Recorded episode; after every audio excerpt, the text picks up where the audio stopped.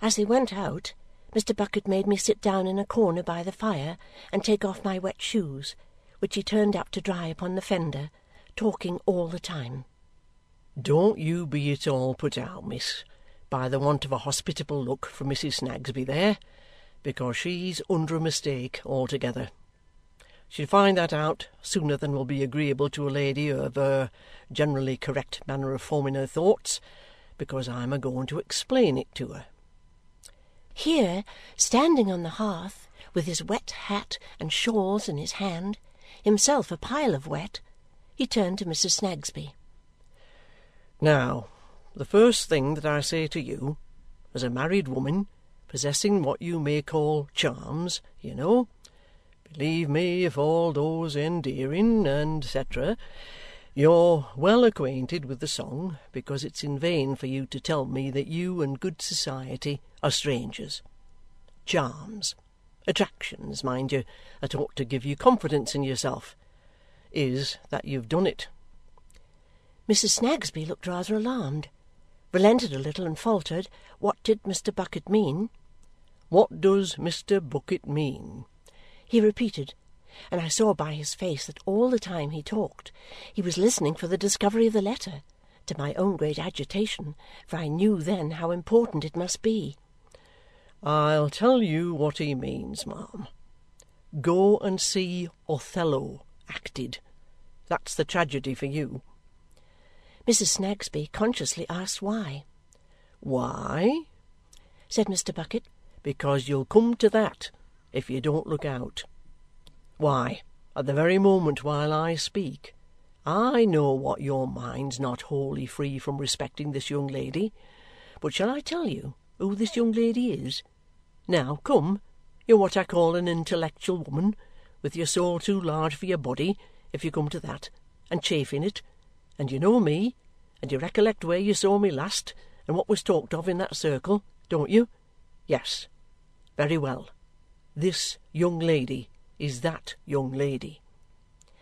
Mrs. Snagsby appeared to understand the reference better than I did at the time. And Toughey, him as you call Jo, was mixed up in the same business, and no other.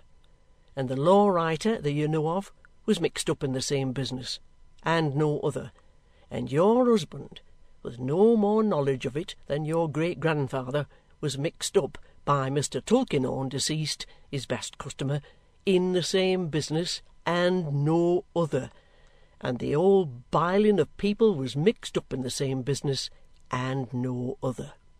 And yet, a married woman, possessing your attractions, shuts her eyes, and sparklers too, and goes and runs her delicate formed head against a wall. Why, I'm ashamed of you. I expected Mr. Woodcourt might have got it by this time. Mrs. Snagsby shook her head and put her handkerchief to her eyes. Is that all? said Mr. Bucket excitedly. No. See what happens. Another person mixed up in that business and no other. A person in a wretched state comes here to-night and is seen a speaking to your maid-servant, and between her and your maid-servant they passes a paper that I would give a hundred pound for down. What do you do?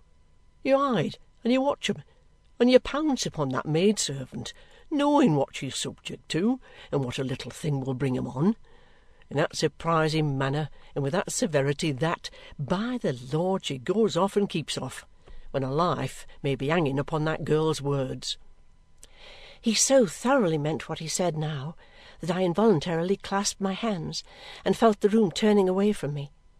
But it stopped. Mr. Woodcourt came in, put a paper into his hand, and went away again. Now, Mrs. Snagsby, the only amends you can make, said Mr. Bucket, rapidly glancing at it, is to let me speak a word to this young lady in private here. And if you know of any help you can give to that gentleman in the next kitchen there, or can think of any one thing that's likelier than another to bring the girl round, do your swiftest and best. In an instant she was gone, and he had shut the door. Now, my dear, you're steady and quite sure of yourself? Quite, said I. Whose writing is that? It was my mother's. A pencil writing, on a crushed and torn piece of paper, blotted with wet, folded roughly like a letter, and directed to me at my guardian's. "You know the hand," he said, "and if you're firm enough to read it to me, do. But be particular to a word." It had been written in portions, at different times. I read what follows.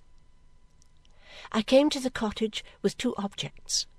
First, to see the dear one, if I could, once more, but only to see her, not to speak to her or let her know that I was near. The other object, to elude pursuit and to be lost. Do not blame the mother for her share. The assistance that she rendered me, she rendered on my strongest assurance that it was for the dear one's good. You remember her dead child? The men's consent I bought, but her help was freely given. "I came that was written," said my companion, "when she rested there. It bears out what I made of it. I was right." The next was written at another time. I have wandered a long distance, and for many hours, and I know that I must soon die. These streets I have no purpose but to die. When I left, I had a worse, but I am saved from adding that guilt to the rest. Cold, wet, and fatigue are sufficient causes for my being found dead, but I shall die of others, though I suffer from these. It was right that all that had sustained me should give way at once, and that I should die of terror and my conscience. Take courage said Mr. Bucket. "There's only a few words more." Those too were written at another time, to all appearance almost in the dark. I have done all I could do to be lost. I shall be soon forgotten so, and shall disgrace him least. I have nothing about me by which I can be recognized. This paper I part with now the place where I shall lie down, if I can get so far, has been often in my mind. Farewell. Forgive. Mr. Bucket, supporting me with his arm, lowered me gently into my chair. Cheer up. Don't think me hard with you, my dear, but as soon as ever you feel equal to it, get your shoes on and be ready. I did as he required but I was left there a long time, praying for my unhappy mother. They were all occupied with the poor girl, and I heard Mr. Woodcourt directing them and speaking to her often. At length he came in with Mr. Bucket, and said that as it was important to address her gently, he thought it best that I should ask her for whatever information we desired to obtain. There was no doubt that she could now reply to questions if she were soothed and not alarmed. The questions, Mr. Bucket said, were how she came by the letter, what passed between her and the person who gave her the letter, and where the person went. Holding my mind as steadily as I could to these points, I went into the next room with them. Mr. Woodcourt would have remained outside, but at my solicitation went in with us. The poor girl was sitting on the floor where they had laid her down.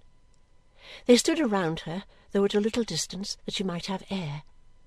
She was not pretty, and looked weak and poor, but she had a plaintive and a good face, though it was still a little wild. I kneeled on the ground beside her and put her poor head upon my shoulder, whereupon she drew her arm round my neck and burst into tears. My poor girl, said I, laying my face against her forehead, for indeed I was crying too, and trembling. It seems cruel to trouble you now, but more depends on our knowing something about this letter than I could tell you in an hour. She began piteously declaring that she didn't mean any harm, she didn't mean any harm, Mrs. Snagsby. We are all sure of that, said I, but pray tell me how you got it. Yes, dear lady, I will, and tell you true. I'll tell true indeed, Mrs. Snagsby. I am sure of that, said I. And how was it? I had been out on an errand, dear lady, long after it was dark, quite late, and when I came home I found a common looking person, all wet and muddy, looking up at our house. When she saw me coming in at the door, she called me back and said did I live here, and I said yes, and she said she knew only one or two places about here, but had lost her way and couldn't find him. Oh, what shall I do? What shall I do? They won't believe me. She didn't say any harm to me. I didn't say any harm to her, indeed, Mrs. Snagsby. It was necessary for her mistress to comfort her, which she did, I must say, with a good deal of contrition, before she could be got beyond this. She could not find those places, said I. No, cried the girl, shaking her head. No, couldn't find 'em. And she was so faint and lame and miserable, oh, so wretched, that if you'd seen her, Mr. Snagsby, you'd have given her half a crown, I know.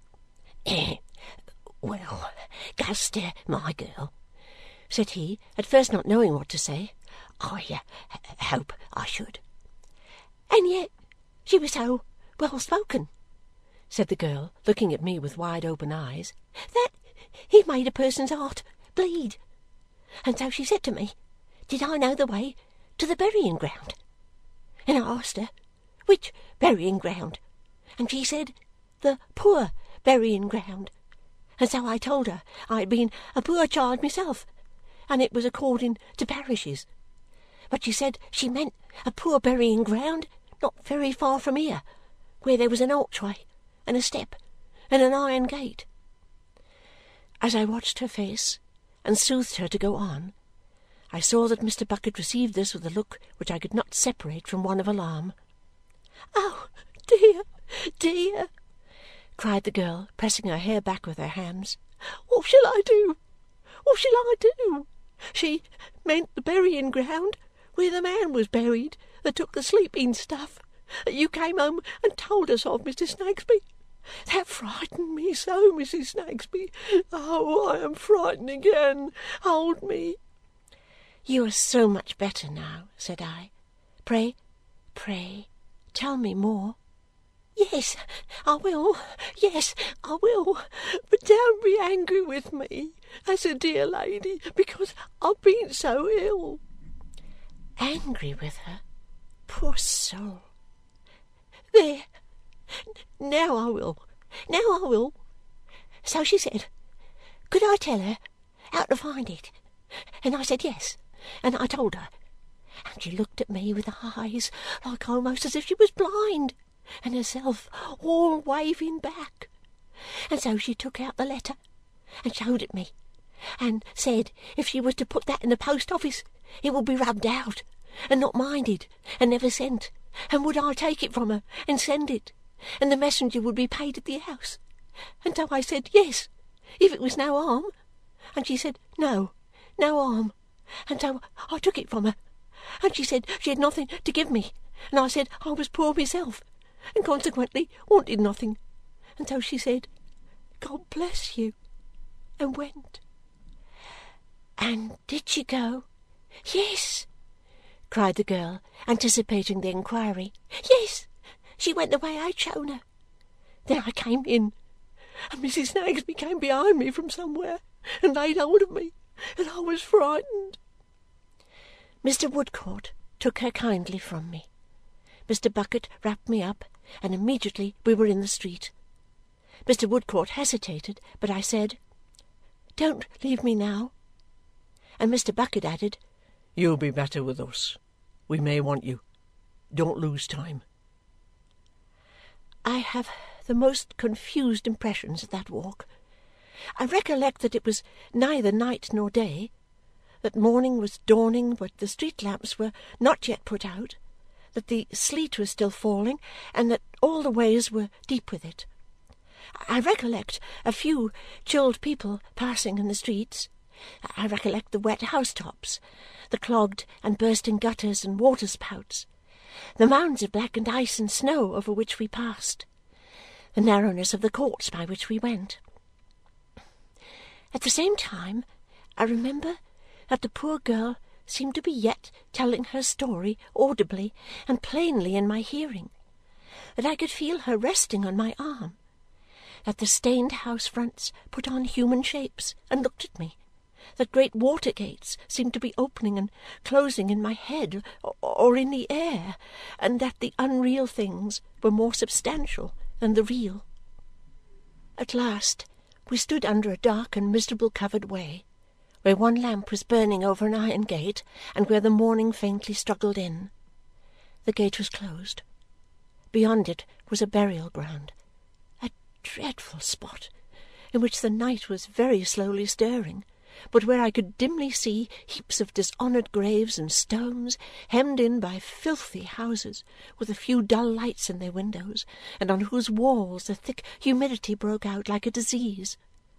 On the step at the gate, drenched in the fearful wet of such a place, which oozed and splashed down everywhere, I saw, with a cry of pity and horror, a woman lying, Jenny, the mother of the dead child. I ran forward, but they stopped me, and Mr. Woodcourt entreated me, with the greatest earnestness, even with tears, before I went up to the figure, to listen for an instant to what Mr. Bucket said. I, I did so, as I thought. I did so, as I am sure. Miss Summerson, you'll understand me if you think a moment. They changed clothes at the cottage. They changed clothes at the cottage. I could repeat the words in my mind, and I knew what they meant of themselves, but I attached no meaning to them in any other connexion. And one returned, said Mr. Bucket. And one went on. And the one that went on only went on a certain way agreed upon to deceive, and then turned across country and went home. Think a moment. I could repeat this in my mind too, but I had not the least idea what it meant. I saw before me lying on the step the mother of the dead child. She lay there with one arm creeping round a bar of the iron gate and seeming to embrace it. She lay there, who had so lately spoken to my mother. She lay there, a distressed, unsheltered, senseless creature.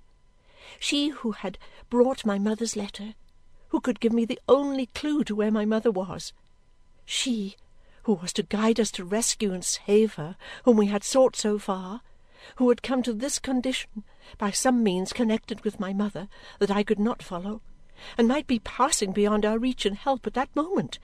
She lay there, and they stopped me. I saw, but did not comprehend, the solemn and compassionate look in Mr. Woodcourt's face.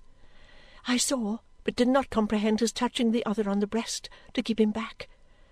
I saw him stand uncovered in the bitter air, with a reverence for something, but my understanding for all this was gone.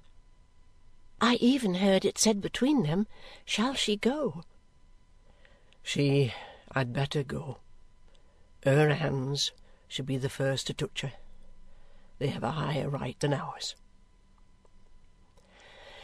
I passed on to the gate and stooped down. I lifted the heavy head put the long dank hair aside, and turned the face. And it was my mother, cold and dead.